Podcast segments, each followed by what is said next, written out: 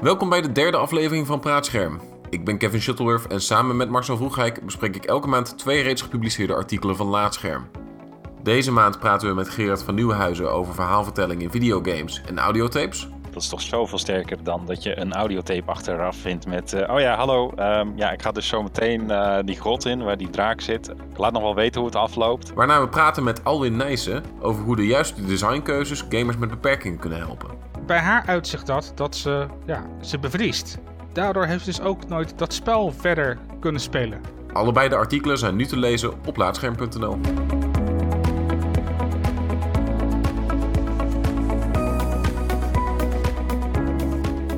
Ja, Gerard, eh, jij wil ons iets vertellen over audiotapes. Eh, tenminste, zo heet je artikel ongeveer.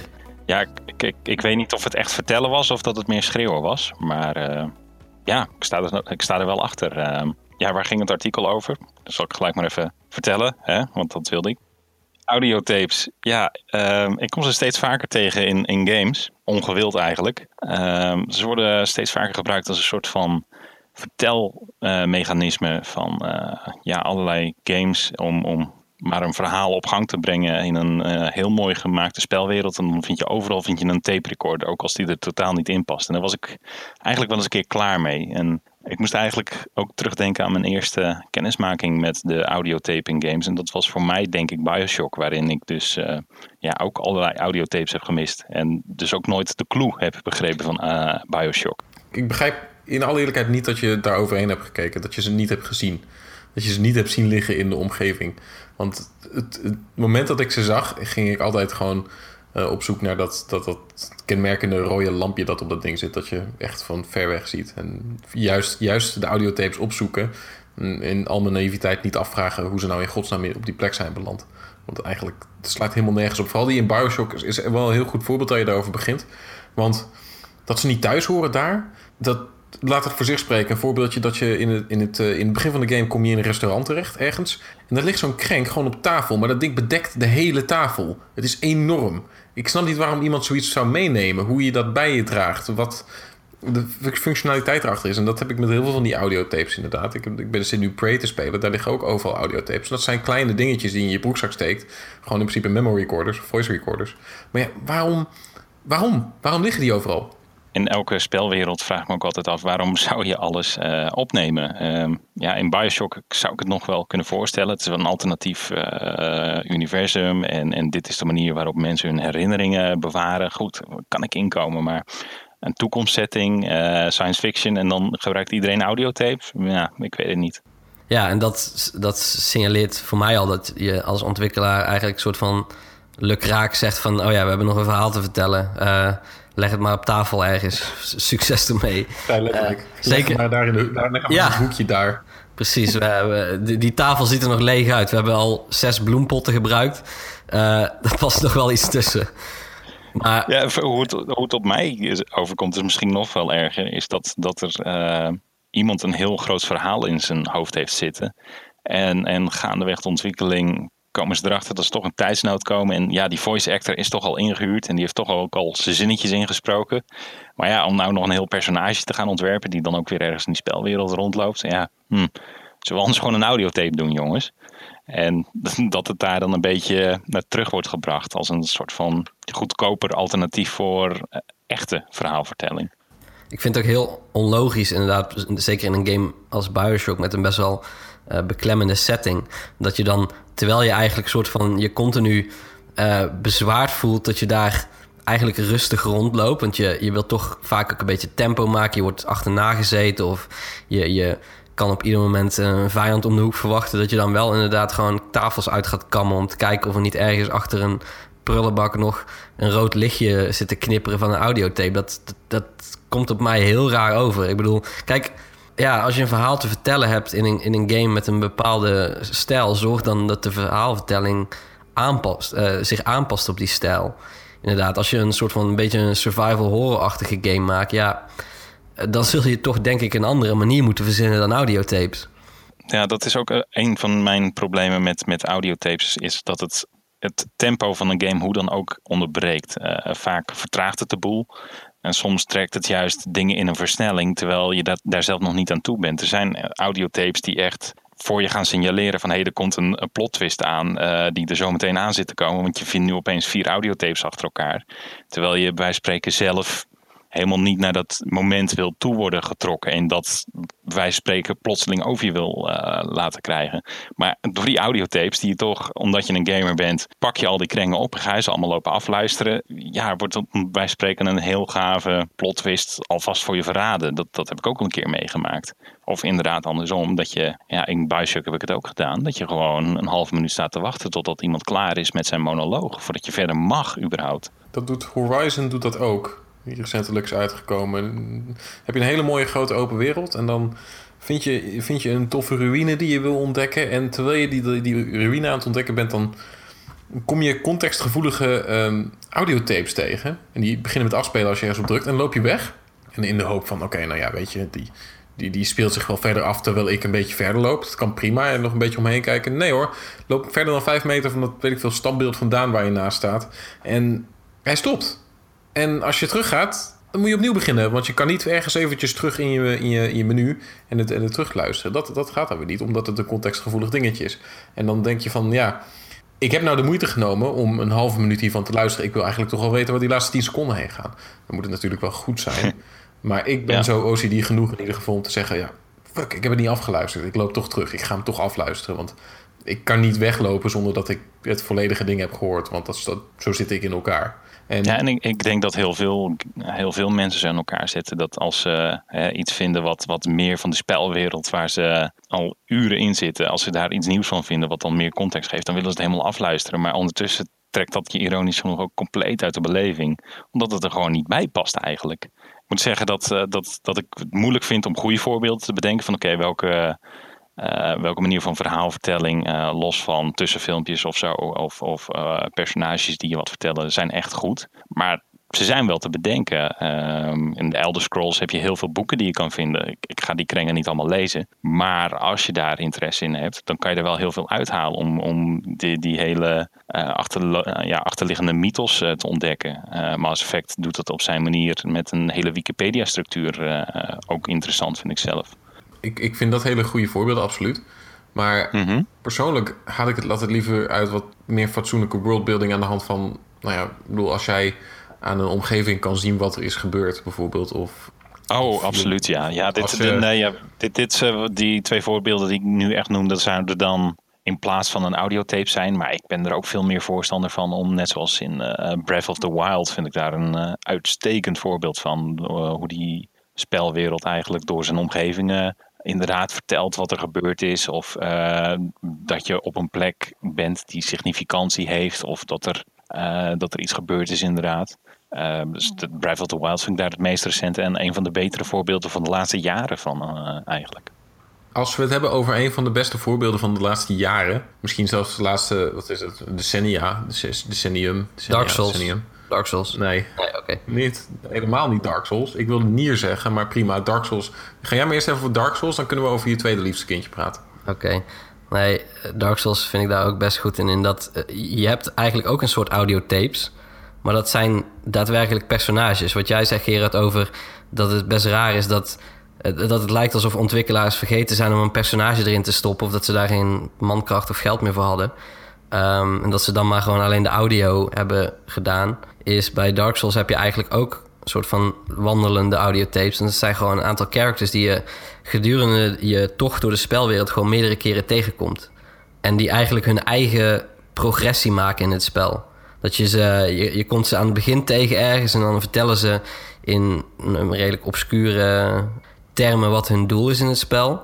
En dan naarmate je dus zelf verder komt, loop je ze ook weer tegen het lijf. En dan zijn ze dus op de locatie waar ze eigenlijk hun eigen volgende hoofdstuk zouden beleven. En dan kom je ze ineens dan als eentje zegt van ja, dat hij, weet ik veel, zijn, uh, ja, zijn geliefde wil wreken of wat dan ook. En daarvoor een uh, bepaalde baas dan eigenlijk wil verslaan. Dan kom je die persoon ook ergens in het gebied waar die baas dan zit, kom je die dan ook weer tegen. Uh, met en dat is toch, zoveel, dat is toch zoveel sterker dan dat je een audiotape achteraf vindt met... Uh, oh ja, hallo, um, ja, ik ga dus zo meteen uh, die grot in waar die draak zit. Ik laat nog wel weten hoe het afloopt. ja, dat, Dat werkt dan toch veel minder. Het is ook helemaal niet logisch, omdat het eigenlijk gelijk alle chronologie verpest. Omdat het, het, het, het klopt bijna nooit dat zo'n audiotape daar of al jaren ligt, of zeg maar net ligt. Waar is die persoon dan? Zeg maar dat. Dat, dat ja, beide opties zijn gewoon niet erg geloofwaardig. Terwijl als jij een persoon hebt die daar staat, ja, dat, dat is vrij duidelijk. Maar Kevin, ja, zult het over Nier hebben dan? Ja, ik wil het wel heel graag even over Nier hebben, want dat is, dat is een, een masterclass in, in verhaalvertelling. Ik heb het nog nooit eigenlijk zo gedaan zien worden uh, of, of ervaren op die manier. Dus wat dat betreft, ik bedoel, jij hebt de originele Nier gespeeld. Ik heb niet zo nee, ervaren. Hey, hallo. Jij ook? Ja, tuurlijk. Jeetje, ik zit hier met twee Nierkenners. Heftig. Ja, ja, ja, ja. Ja, wat, wat die game doet uh, en de manier waarop gameplay met verhaalvertelling en, en, en, en bepaalde bepaalde boodschappen overbrengen verweven wordt, is, is, dat is, is gewoon kunst. Het is gewoon kunst. Ik kan er eigenlijk niet zoveel anders van maken. De manier waarop die game het doet is... Nou, wat, wat gewoon ontzettend knap is van die game. Van, weet je, in, de structuur van, van die side uh, quests... Uh, of je, nou ja, dat is zelfs wat, wat achterhaald. Maar de manier waarop die sidequests zich uh, uitspelen uh, is volledig in lijn met wat die game op een, op, een, uh, op een dieper niveau wil vertellen. Dat kan een filosofische laag zijn, maar dat kan ook zijn van oké, dit is de spelwereld. Dus als je deze opdracht voltooit, dan gaat er dat gebeuren. En dat is altijd volledig in dienst van die spelwereld. En als je daarin er zitten niet echt audiotapes in, maar je vindt wel archieven van, van een ver verleden. Het is allemaal staat allemaal in dienst om die uh, wereld geloofwaardiger te maken. En dat ja, doet, het, doet het op een ongekende manier inderdaad. Ja, het voelt bij alles, ook al maakt het gebruik van verschillende vertelvormen, uh, voelt het bij iedere vorm aan alsof dat de enige vorm was die zeg maar mogelijk was geweest om een bepaald element van het verhaal tot je door te laten dringen. Zeker. En dat, dat is best bijzonder voor een. Uh, en dat doen niet heel veel games. Want inderdaad is het. Het uitdiepen van de spelwereld is vaak gewoon een soort van. Ja, eigenlijk alsof je een soort van mappenstructuur hebt. En dat je zelf eerst twintig keer door moet klikken. Totdat je ergens in een mapje ziet achtergrondinformatie. En dat je het daar zeg maar vindt. In plaats van dat het op logische plekken in de spelwereld te vinden is. Wat best wel raar is als dat niet zo is. Want waarom zou je info over de wereld waar je inloopt, zeg maar, opslaan op zeg maar maar eh, een paar hele specifieke plekken in de wereld waar je dan soort van inderdaad letterlijk stil moet staan om er meer over te lezen. Uh, dat betekent dus dat waarschijnlijk ergens een team van schrijvers is geweest, wat inderdaad zei van oké, eh, jullie hebben twee jaar om 600.000 boeken te schrijven met achtergrondstukjes. En dat op het einde van de ontwikkeling iemand dacht: oh ja, uh, waar gaan we die doen dan? Zo, ja, oké. Okay. Uh, eh, ja, ja, ik weet het niet. Prop maar ergens in. Uh, waar is nog plek? Dat is natuurlijk ja, een, een soort van uh, praatpaalstructuur. Hè? Dus ja. ja. knopje drukken, wachten en weer door over de achtbaan. Ja, maar het is ook een onderschatting van, van, van het publiek dat je bedient. Ehm, ehm, weet je, ik, noem, ik noemde mezelf in het artikel onvoorspelbaar misschien ben ik wel onvoorspelbaar en mis ik heel veel logische dingen. Maar uh, ik ben ook wel iemand die heel graag investeert in de spelwereld waar ik inloop. Uh, dus ja, als jouw manier van verhaalvertelling wat moeilijker is, doordat je dat in lappe tekst op de beste manier kan doen, dan vertrouw ik jou daar ook, dan vertrouw ik een ontwikkelaar daar ook wel in. En dan ga ik die teksten ook lezen. Ik heb het met, met Deus Ex heb ik ook e-mailtjes, uh, corporate e-mailtjes zitten lezen die ik heb lopen hacken. Dat ik wist van ja, dit is wel, dit, dit past er goed bij. Ja, nee, dat begrijp ik wel. Om even terug te komen op Nier. De kunst van die game is juist inderdaad om je heel veel te vertellen zonder je eigenlijk direct iets te vertellen. Ik heb zelf een schurfthekel aan te veel exposition. En als als die game het dan levert, dan gaan ze daar ook nog eens mee spelen later. En dan denk ik van, jeetje, hoe is het mogelijk? Uh, dat, dat, dat, dat ik ze nog zo verrast kan worden nadat ik eigenlijk al zoveel games heb gespeeld in, mijn leven. Dat, dat geeft mij uh, aan, de, aan de ene kant denk ik van, wauw, dat, het gaat nog heel lang duren voordat ik weer iets speel dat mij op uh, gewijs gaat verrassen als Nier. Nou ben ik eigenlijk al gelijk in fout bewezen toen What Remains of Edith Finch uitkwam. Um, en tegelijkertijd geeft het me hoop dat dat heel veel, dat, dat games veel meer kunnen dan ik nu van ze ken.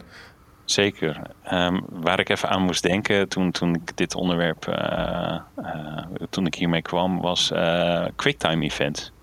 Ik heb ze steeds minder gezien de afgelopen jaren. Ik denk dat vijf jaar terug werden we er onder bedolven. Maar die zie ik ook steeds minder. Dus, dus die, die vervelende trends, uh, quicktime events, ik weet niet, misschien dat er hier fans zitten, maar ik denk het niet. Die, die zie je ook minder. Dus ik vind dat wel een positief vooruitzicht ook voor de audiotape. Dat die ook langzaam op een natuurlijke manier steeds meer gaat verdwijnen. Ja, ik zie nu dus Spray te spelen, daar zit hij nog wel volop, volop in aanwezig, helaas. Ook exact zoals je verwacht, met overal, overal van die, van die memo-recorders gestrooid. Zo af en toe kun je een, een, van een of andere corporate computer een, een bestandje downloaden en, een, en hem dan afspelen. En dat vind ik nog net ietsje geloofwaardiger. Um, mm Maar nee, het is nog steeds overal voice recorders. En dat, dat, vooral nu ik me eventjes weer, nu dit gegeven weer echt, uh, nu ik met mijn neus op de feiten gedrukt ben, kan ik er gewoon niet aan iets anders denken. Nee, maar over vijf jaar, als, als praatscherm op uh, episode 250 zit, dan zeggen we: Goh, weet je nog audiorecorders? Nou, die zie ik echt nergens meer. Dat, dat, daar heb ik echt vertrouwen in. Dan weten mensen niet eens meer wat cassettebandjes zijn, hè? Nee, joh, dan vragen ze zich ook af wat een podcast is, joh. Geen idee. Ja, precies.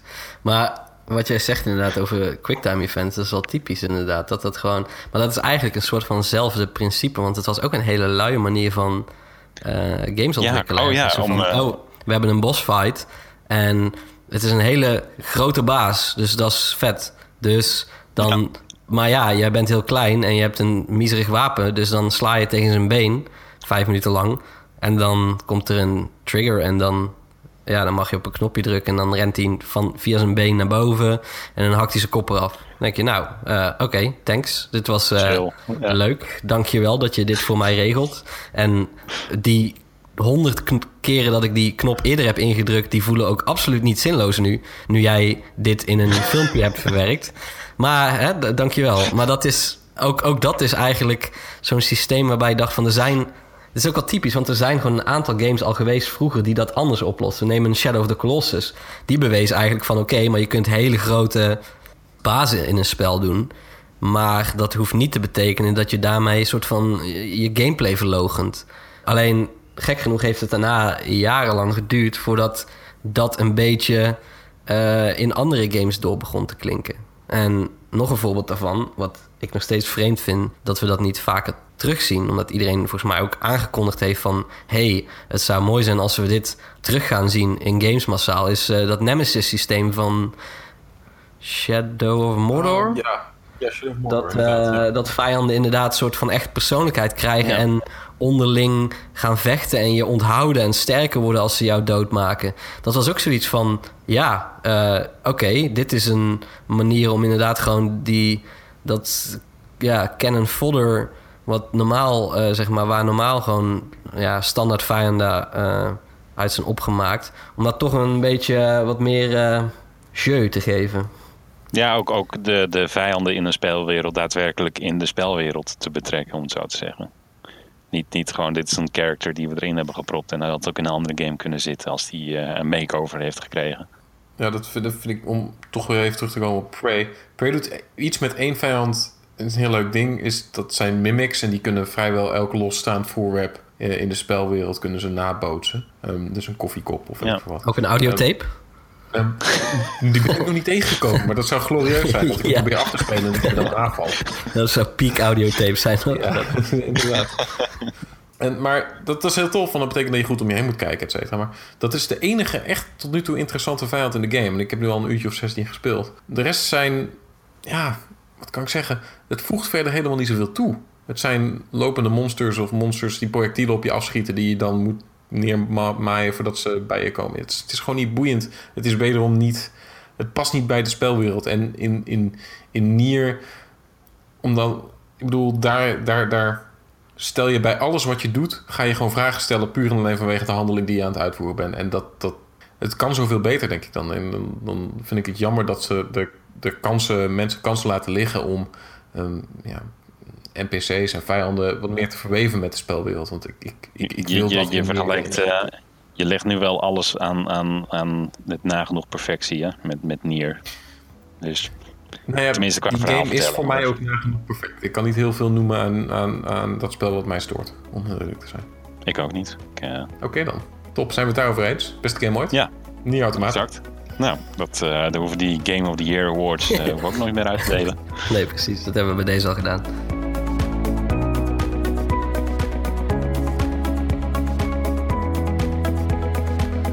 Na een korte pauze praten we met Alwin Nijssen over hoe de juiste designkeuzes gamers met beperkingen kunnen helpen. Tot zo!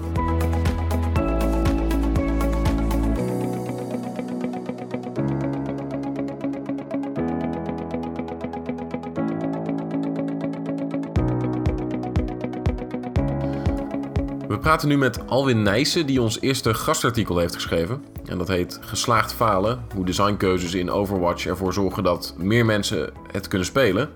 Uh, dat artikel is nu te lezen op laatscherm.nl, dus ga dat vooral even tot je nemen. Uh, Alwin, vertel ons wat over jezelf. Ik uh, omschrijf mezelf als een neurodivers mediacriticus. Jeetje. Wauw. Uh, okay. oh, dat is echt een mond vol. Die mag je uitleggen. Uh, het komt erop neer dat uh, nou, neurodiversiteit is eigenlijk alles uh, wat te maken heeft met quote-unquote niet standaard hersenen. Ehm, daarbij heb ik zelf Asperger en ADD. En ehm, ik kijk naar media en het effect wat het heeft op groepen mensen. Als ik het goed begrijp, jij organiseert panels hierover? Ik heb vorig jaar inderdaad uh, voor een conventie in Londen, Nine Worlds, uh, had ik een panel gepitcht naar uh, de panelorganisatie om te praten over neurotoegankelijkheid in games. Dus hoe kunnen mensen met een met bijvoorbeeld een, trauma of, of een hersenafwijking of inderdaad autisme ADD, dat soort dingen. Um, hoe kunnen games ervoor zorgen dat die mensen toch een game kunnen spelen? Je hebt, je hebt dus vorig jaar een uh, panel daarvoor uh, georganiseerd voor games met beperkingen. En, hoe was dat? Hoe, heb je nog wat verhalen gehoord daar? Ja, het, het was, het was best interessant. Ehm, ik heb gezocht naar een panel met een zo divers mogelijke achtergrond qua, qua panelisten. Um, waardoor ik dus iemand had met bijvoorbeeld dyspraxia. En voor de mensen die niet weten wat dyspraxia is. Uh, het is een um, beperking uh, in de hersenen die er onder andere voor zorgt dat je eigenlijk nooit weet waar je hand ten opzichte van je hoofd is. En probeer maar eens voor te stellen hoe, wat voor effect het zou hebben op je leven als je dat inzicht mist. En bijvoorbeeld uh, ruimtelijk inzicht is, is, heel, is er een stuk minder. En het kan ook leiden tot tragere informatieverwerking. Dus dan heb je minder reactievermogen. Er waren ook meerdere mensen met dyspraxia in de zaal. En een veel voorkomend verhaal was dat die mensen Portal ontzettend tof vonden. qua setting en humor. En dat ze uh, de puzzels leuk vonden om te doen. Maar uh, dat ze heel veel moeite hadden om de sprongen te kunnen maken. Omdat ze dat gewoon uh, niet goed in konden schatten. Ja, en toen kwam dus... mensen gaven tijdens panel elkaar ook tips. En toen gaf iemand de tip om Lego Dimensions een keer te proberen. Omdat in Lego Dimensions zit ook een, een portal level. Met dezelfde humor en dezelfde soort puzzels. Alleen dat speel je vanuit de derde persoon en niet de eerste persoon. Waardoor het voor sommige mensen een stuk makkelijker is om de sprongetjes in te schatten. Dat soort dingen. Denk je dat een, een game. Wat, wat zou volgens jou een, een mogelijke oplossing zijn voor een game als Portal die ja, dat het eerste persoon is, is een klein beetje inherent aan, aan Portal volgens mij. Wat zou, wat zou zo'n game kunnen doen om dat, om dat bijvoorbeeld in-game makkelijk te maken? Denk je dat het nodig zou zijn dat, noem maar wat, dat je als je springt, dat je, en je hebt een bepaalde voorwaartse momentum terwijl je springt, dat je bijvoorbeeld een klein cirkeltje ergens ziet van waar je gaat landen of zo? Ik zeg uh, maar wat. Dat zou bijvoorbeeld, denk ik al wel, uh, ja, dat zou bijvoorbeeld al denk ik wel uh, kunnen helpen dat je een optie hebt om een jump assist aan te zetten. Waardoor En dat kan dan visueel zijn, maar het kan ook een, een audiofragment zijn dat iemand van hey, als je dit geluid hoort, druk op de knop en dan, dan red je het. En dan gewoon mensen, dan geef je mensen de mogelijkheid om zelf de aanpassing te kiezen die ze nodig hebben. Waar ook over werd gesproken tijdens het panel, en dat wordt nog wel eens vergeten in de universiteit. Dat was iemand met posttraumatische stressstoornis.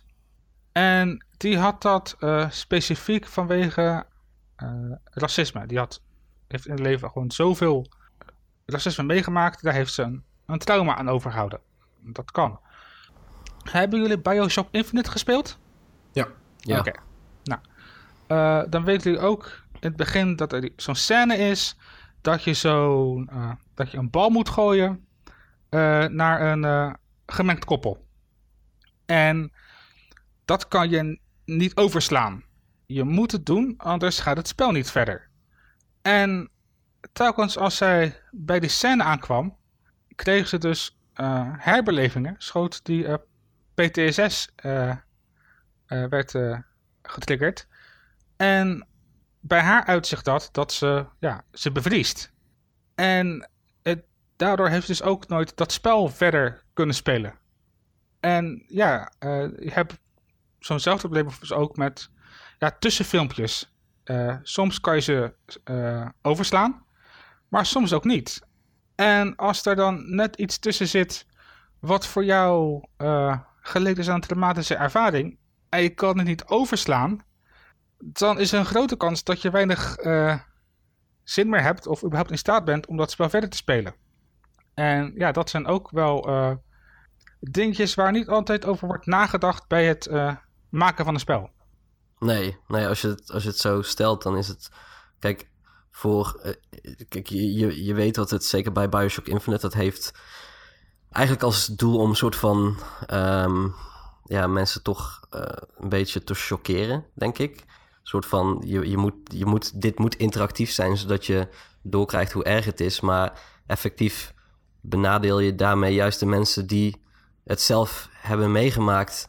En dat voelt niet helemaal oké aan dat je dat dan verplicht stelt. Kijk, ja, in, in die zin, je, staat er niet vaak bij stil. Dat uh, zulke kleine dingen kunnen voor bepaalde mensen heel groot zijn. En dan zou je bijna zeggen van ja, uh, dan, dan voelt het uh, verplicht stellen van een scène of een tussenfilmpje ineens ja, best wel naar aan. Dat je gewoon, terwijl de, ja, de optie om dat te skippen zit in veel games vaak wel. En ja, uiteindelijk kan iemand die het niet hoeft te skippen, die kan altijd kiezen om dat niet te doen. Dus het is niet alsof die mensen daardoor benadeeld worden door die optie te bieden. Ik bedacht me ook iets wat net je zei, wat je net zei over uh, laten zien uh, hoe schokkend uh, racisme is of was of et cetera.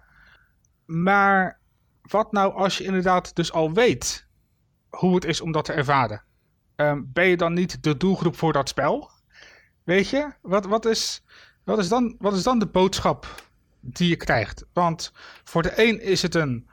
Oh, wauw, wat fantastisch dat dit spel uh, dit onderwerp ter sprake brengt.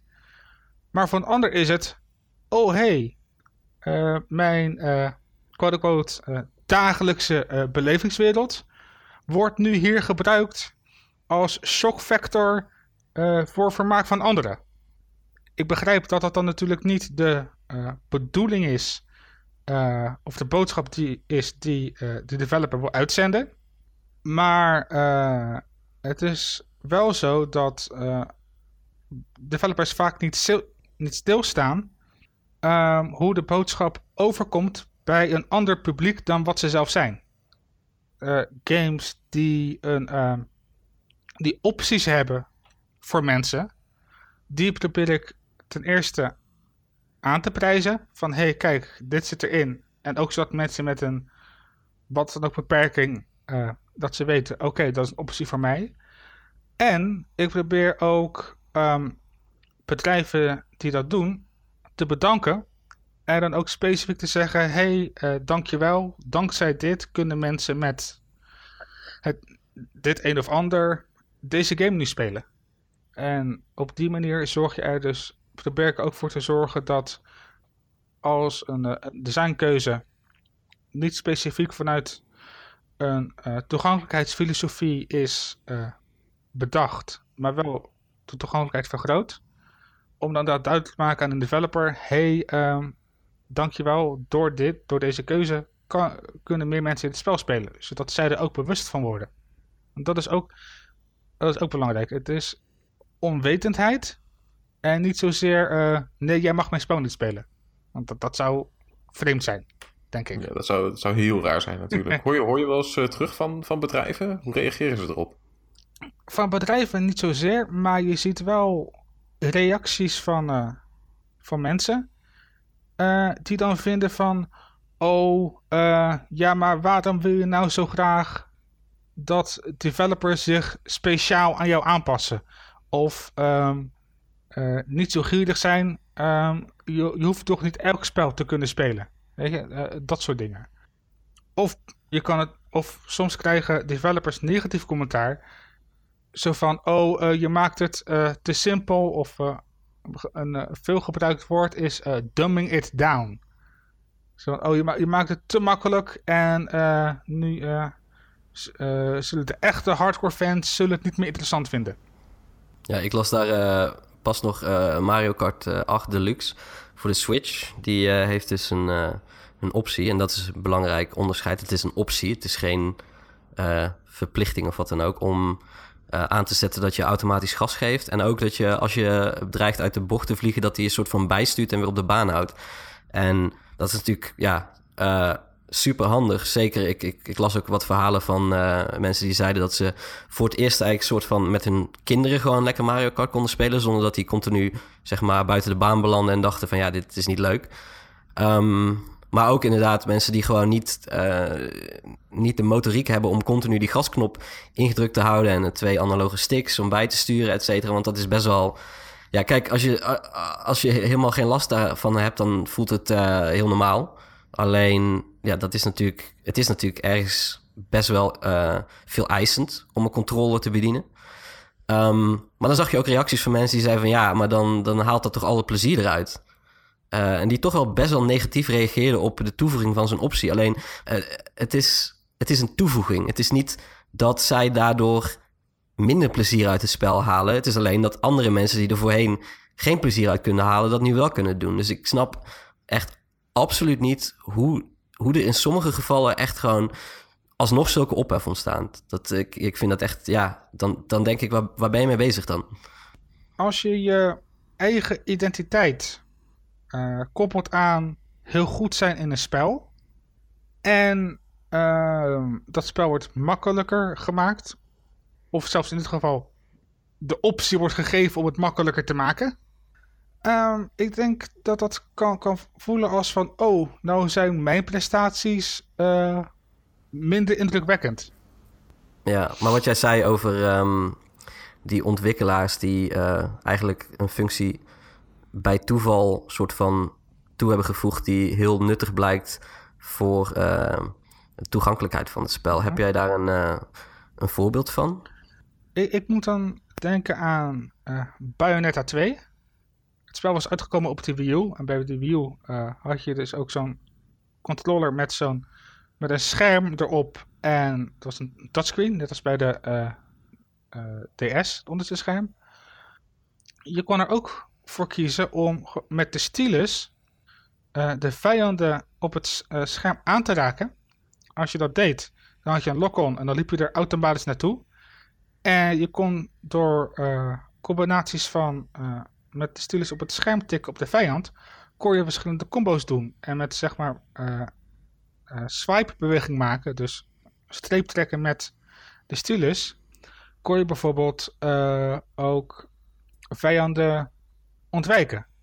Daardoor hadden ze ervoor gezorgd, uh, voor zover ik begreep, dat je dat hele spel uh, volledig kon spelen met alleen de stylus. Uh, maar het werd in principe aangeprezen door het spel zelf gepromoot als zijnde... hey, probeer eens deze nieuwe innovatieve bestuurmethode. En niet als van... hey, heb jij heb je maar één hand, dan kan je het spel ook spelen. Dus in, in, in, zeg maar de promotie van het spel zelf kwam dat niet naar voren. Maar het, het, is natuurlijk, het had wel het gevolg dat bijvoorbeeld mensen die ja, niet goed zijn in het maken van moeilijke knoppencombinaties. Uh, of mensen die inderdaad um, ja, maar één hand hebben. Of slechts maar een paar vingers die echt alleen een stylus vast kunnen houden. Of inderdaad mensen die überhaupt een controller niet op, niet op kunnen tillen. Maar wat je kan doen is de controller leg je op een tafel of een ander plateau. En je kan gewoon dan met de stylus op, uh, op het scherm tappen. Dus door die keuzemogelijkheid, door die designkeuze, werd Bayonetta 2 voor een gigantische groep mensen die, uh, waarvoor uh, de meeste men mainstream games eigenlijk ontoegankelijk zijn, ineens toegankelijk. En dan kunnen we het ook, wil ik graag een, een brugje slaan naar een ander, uh, een, een, gerelateerd onderwerp. Ik, ik ben inmiddels wat ouder, ik ben 33, o jee. En ik kan me nog herinneren dat zeker bij die oude first-person shooters, zoals bijvoorbeeld de klassieke Wolfenstein of de klassieke Doom, daar maakte het menu je eigenlijk belachelijk als je voor een makkelijke moeilijkheidsgraad koos. Heb je dat ook meegemaakt? Ja. ja, dat staat me nog wel bij. Ja. Dat, ja, dan werd je een pussy genoemd of een weet ik veel wat. En dan stond er een, een beetje een, baby, een babyfoto hm. bij het, hoe noem je dat, het portret van, van je hoofdpersonage van Doom ja. of iets dergelijks. Ja, dat soort, dat soort dingen wat ze hebben gedaan bij de uh, remake van Shadow Warrior is easy mode is, wordt omschreven als van ja, uh, je hebt net hard gewerkt, je komt thuis, je wil geen gedoe, je wil gewoon als een badass voelen. Deze mode is voor jou. Uh, dat werkt een stuk aanmoedigender voor mensen. en zeker ook als je al van jezelf weet, oké, okay, ik heb een beperking ik kan niet anders dan deze mode spelen. Dan wordt je dan spel ook nog eens belachelijk gemaakt voor die keuze. En dat is raar. Ja, dat is inderdaad echt niet, niet oké. Okay. nee, ik kan me er ook niet echt, uh, niet echt in vinden. Ik, ik denk dat dit een, dit een standaard dingetje is. Dat vind ik persoonlijk. Mensen, of games moeten mensen niet niet ontmoedigen om iets te gaan spelen door iemand textueel belachelijk te maken of auditief of visueel, weet ik veel wat, op de überhaupt wat voor manier dan ook. Uh, ik, ik, ben het ook mee eens dat, dat er zoveel mogelijk opties in moeten zitten om het voor iedereen zo gangbaar mogelijk te maken. Wat vind jij dat er eigenlijk in elke game minimaal ingebouwd moet zitten om rekening te houden met een zo divers mogelijke groep spelers? Um, wat er in moet zitten sowieso is uh, mogelijkheid om de controls aan te passen. Uh, wat uh, ook een ding is. Op de PC kan je heel vaak ook de gevoeligheid van je muis instellen. En, en dat is fijn. Maar die optie heb je, heb je niet altijd op een console game. En mijn vriendin had dus in de eerste instantie best wel wat, wat moeite om die. Om in Horizon met dat, met dat richten, de, de camera, gaat vrij snel. En er, er is geen uh, mogelijkheid om in de opties uh, de gevoeligheid van, van je stick aan te passen.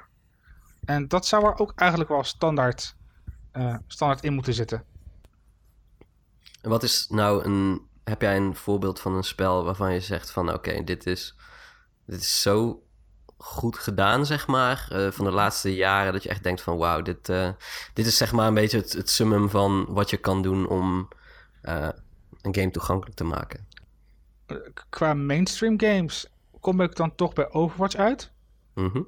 Je hebt in Overwatch zoveel verschillende soorten personages. En voor niet elk personage hoef je goed te kunnen richten. Dat zorgt er dus ook voor dat uh, iemand die inderdaad uh, moeite heeft met zijn muis stilhouden bijvoorbeeld. Nou, die moet dan geen Widowmaker gaan spelen. Maar... Sowieso moet niemand Widowmaker gaan spelen. nee hoor, iedereen, iedereen mag spelen wat hij wil. Maar, maar ga verder. bijvoorbeeld uh, Junkrat kan prima. Mij ook wel, een beetje. Mercy is fantastisch om mee te healen, want de healing gaat gewoon automatisch naar, naar een persoon toe. Ja, Winston. Veel helft en zijn gun, die trackt iedereen. Torbjorn, je zet een turret neer en die doet het werk. En, en zo zijn er heel veel opties voor mensen die, die misschien minder goed zijn in point and shoot. En, en, en, en dus ook de verschillende, ja, dat je echt de controls en dus ook de gevoeligheid van alles kan aanpassen. En ook dat je, uh, je hebt zo'n, uh, je kan zo'n zo'n minuutje oproepen en daarin kan je aangeven, hey, uh, vorm een groep met mij of hey, ik heb healing nodig. Je, je kan makkelijk communiceren zonder dat je per se met mensen hoeft te praten als je dat moeilijk vindt. En dat is ook weer iets waardoor meer mensen het kunnen spelen. Dus eigenlijk is de conclusie toch weer dat Overwatch de beste game ooit is. Ja, dan komen, dan komen, we gewoon, komen gewoon altijd, iedere podcast komen we daarop uit. Oh jee. Is, ja, het is, vast... gewoon elke keer weer hetzelfde inderdaad. Het is Overwatch fantastisch einde verhaal. Top. Ja, oh en dan ga ik ook gelijk, wat ik ook altijd doe, is dat ik mensen dan Nier aan ga raden. heb, heb, heb je hem al gespeeld? Uh, nog niet. Uh, misschien dat ik het wel uh, ga doen, maar ik ga eerst binnenkort als die in de aanbieding is, Overwatch aanschaffen op de PlayStation 4. Kijk, oké, nou dan uh, wees, wees welkom.